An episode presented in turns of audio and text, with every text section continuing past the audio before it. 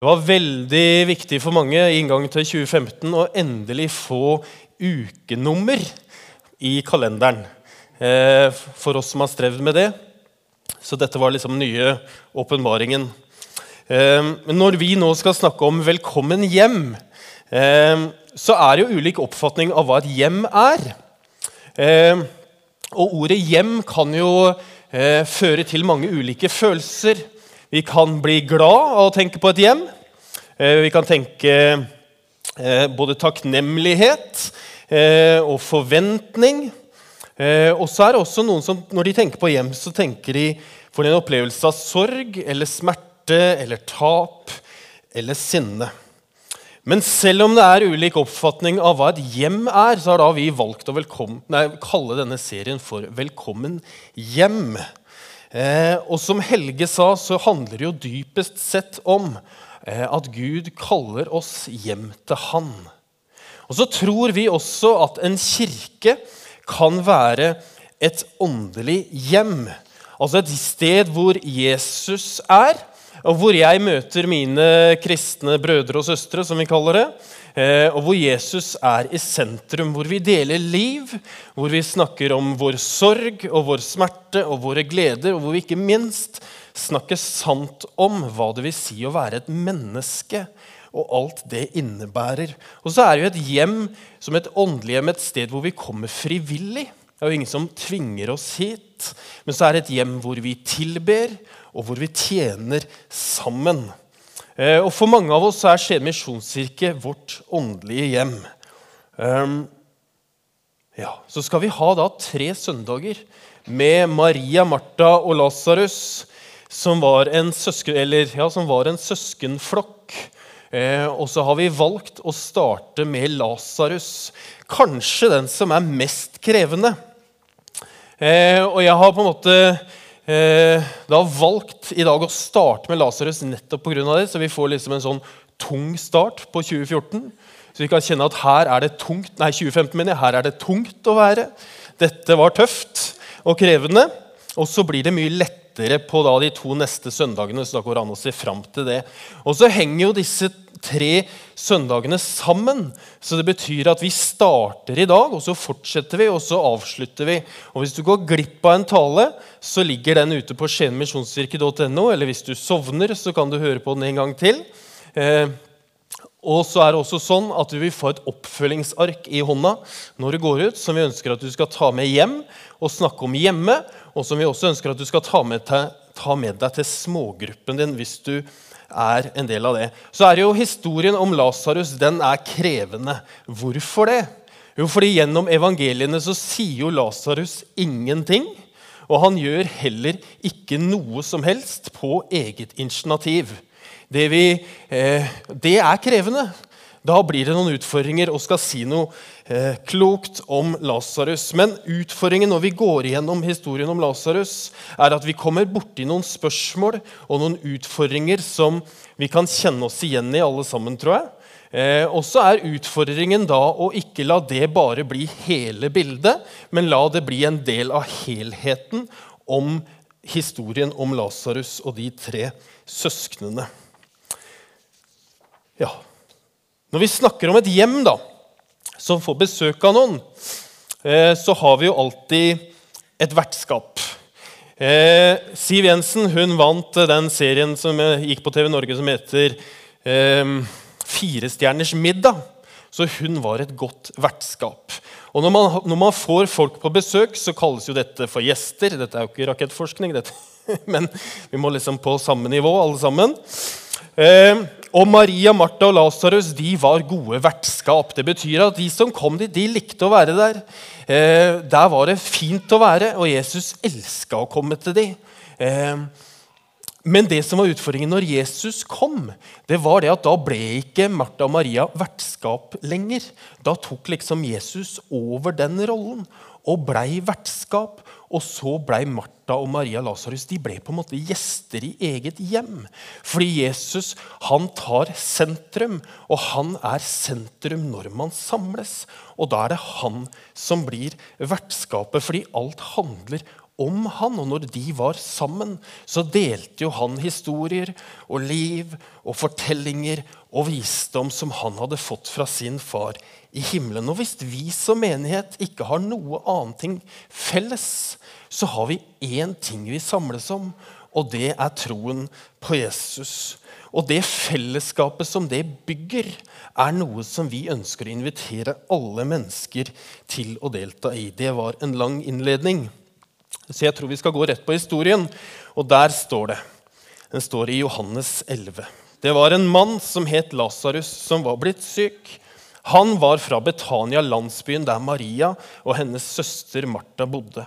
Det var Maria som salvet Herren med fin salve og tørket føttene hans med håret sitt. Det skal vi snakke mer om neste søndag.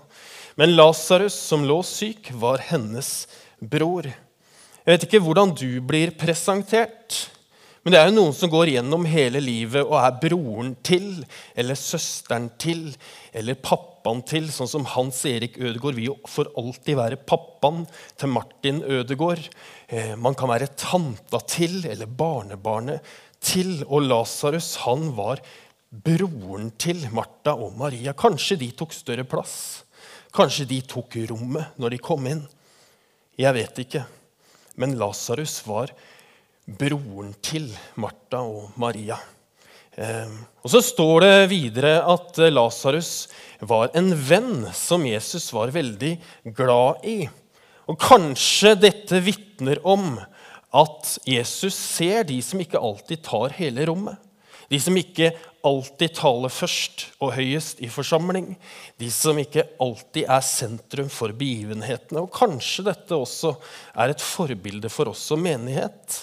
At vi som vertskap skal se de som ikke alltid står her. At vi skal se de som sitter alene på kirkekaffen.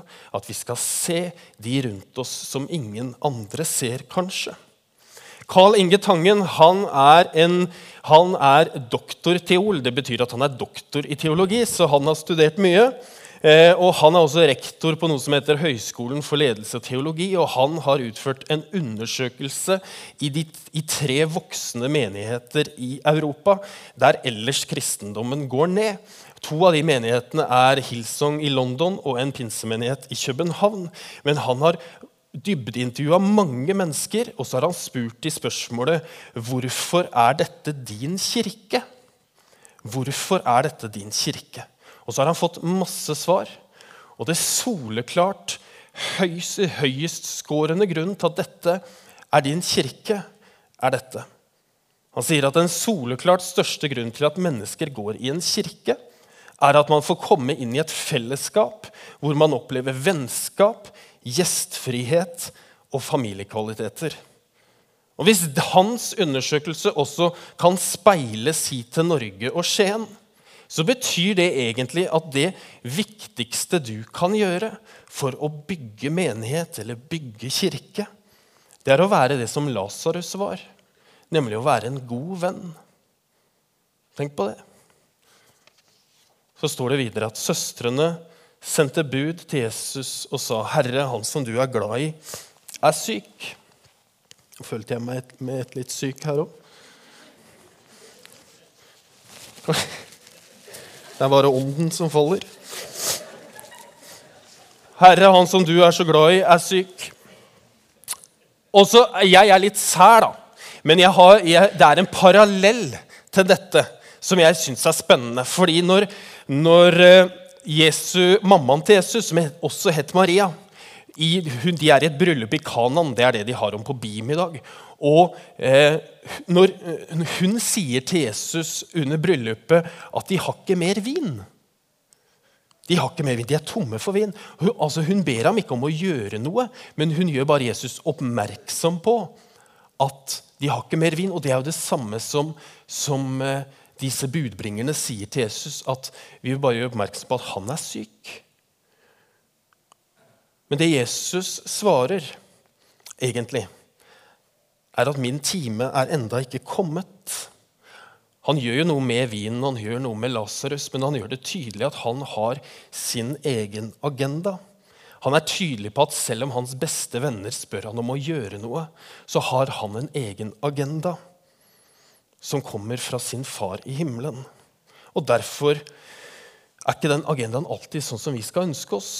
Og Derfor kommer han et par dager for seint til Lasarus. Fordi Jesus var glad i Martha og hennes søster og Lasarus. Og da han hadde fått høre at Lasarus var syk, ble han enda to dager der han var.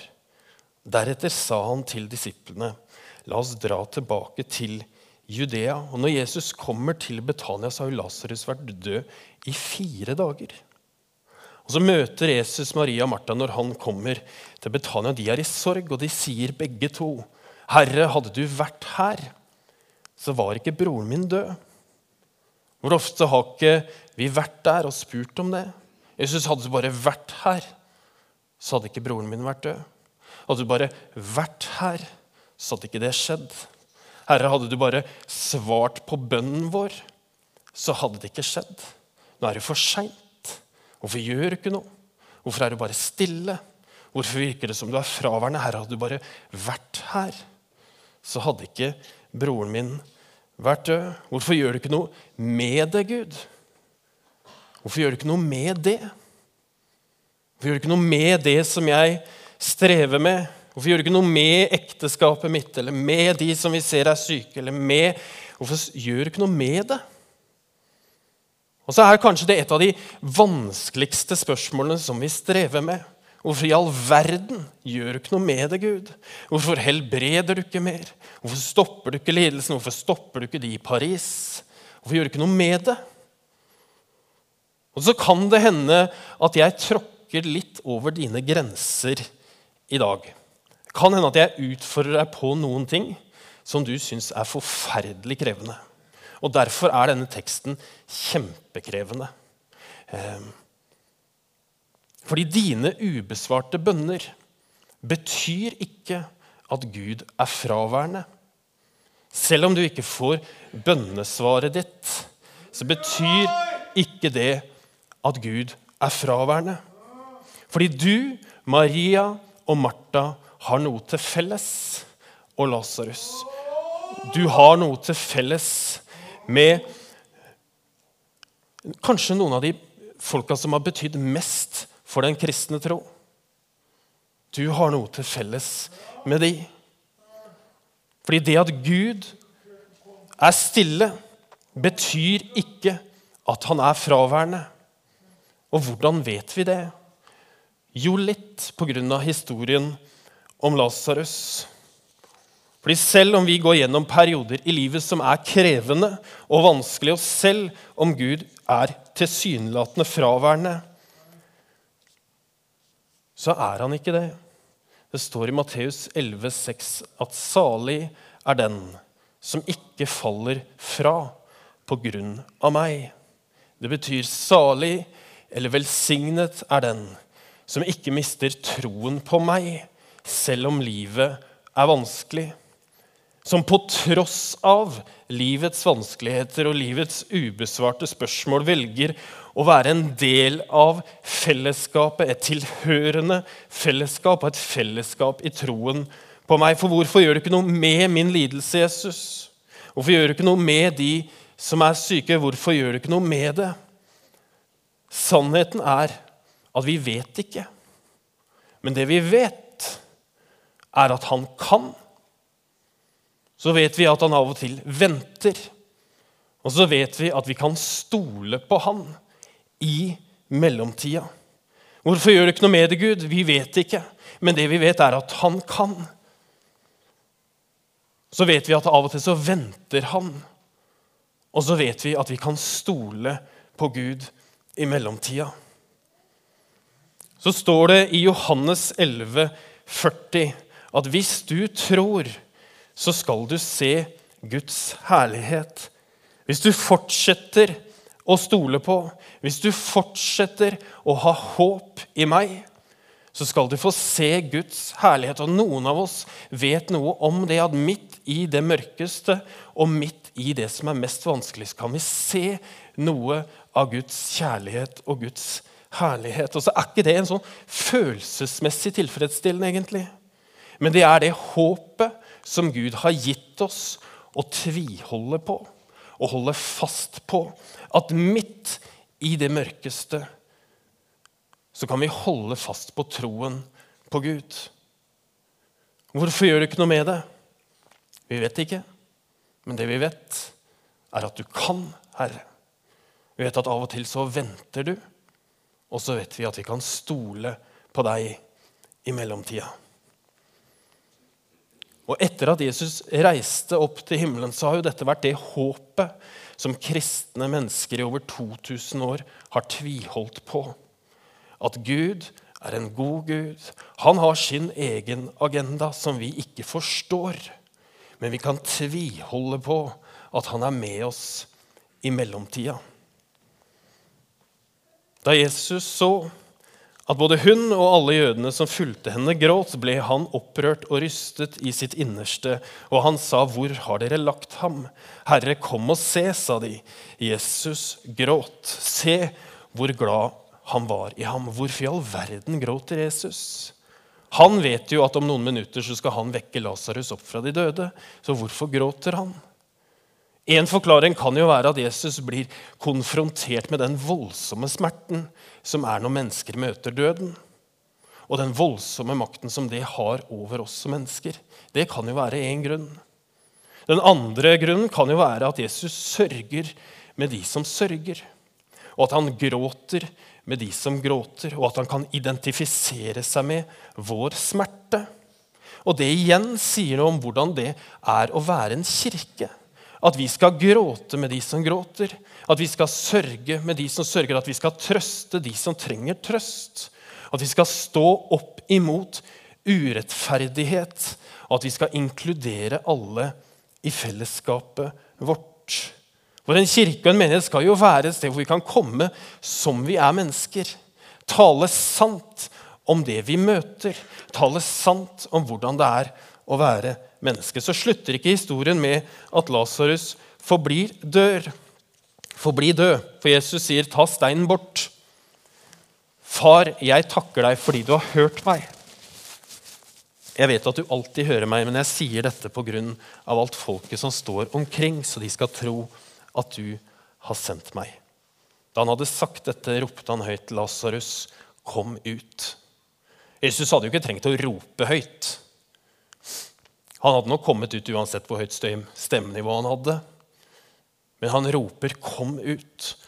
Og Det uttrykker jo noe av den autoriteten som Jesus har over døden, over dødsriket, og at han er seierherren, at han kan si 'kom ut'. Så sier han jo 'kom ut'. Han sier ikke bare sånn 'lev igjen' eller 'nå skal du stå opp' eller 'nå er du død'. Liksom. Han roper 'kom ut'. Og noen av oss roper Jesus til 'kom ut'. Kom ut fra der du er. Kom ut fra innestengselen, eller kom ut fra medlidenheten, eller kom ut fra der du er, og kom inn til fellesskapet med meg. Kom ut for å komme inn i fellesskapet, i menigheten. Kom ut og del det du lever i. Kom ut og kom inn til tilhørigheten. Da kom den døde ut med liksvøp rundt hender og føtter og med tørkle over ansiktet. Og Jesus sier til dem, løs ham og la ham gå. Og mange av jødene som var kommet til tro, nei, som var kommet til Maria og hadde sett det Jesus gjorde, kom til tro på ham. Det er jo litt sånn tidenes understatement, for hvis du ikke tror når du ser at en død mann kommer ut av hulen, som han ligger med, med likklærne rundt hodet Hvis du ikke tror da, så vil du vel aldri tro. Men vi tror at Gud hører når du ber her eller der. Vi tror at Gud ser når du skriver en bønnelapp. Vi tror at Gud ser når du tenner et lys for noen som du er glad i, noen du tenker på, eller deg selv. Kanskje vi sitter fast i gamle spor, kanskje vi er egoistiske og grådige hele gjengen. Men vi tror at den kraften som reiste Lasarus ut av graven, og som også reiste Jesus opp fra de døde. Vi tror at den kraften kan reise deg ut fra der du er, og inn til fellesskapet med Jesus og inn i fellesskapet i menigheten. Og så kan vi jo vi ta nye steg inn i det. Inn i et fellesskap hvor ikke alt handler om meg og mitt, og mine utfordringer og mine problemer, men hvor da alt handler dypest sett om Jesus. Hva han har gjort for deg, og hva han har gjort for oss.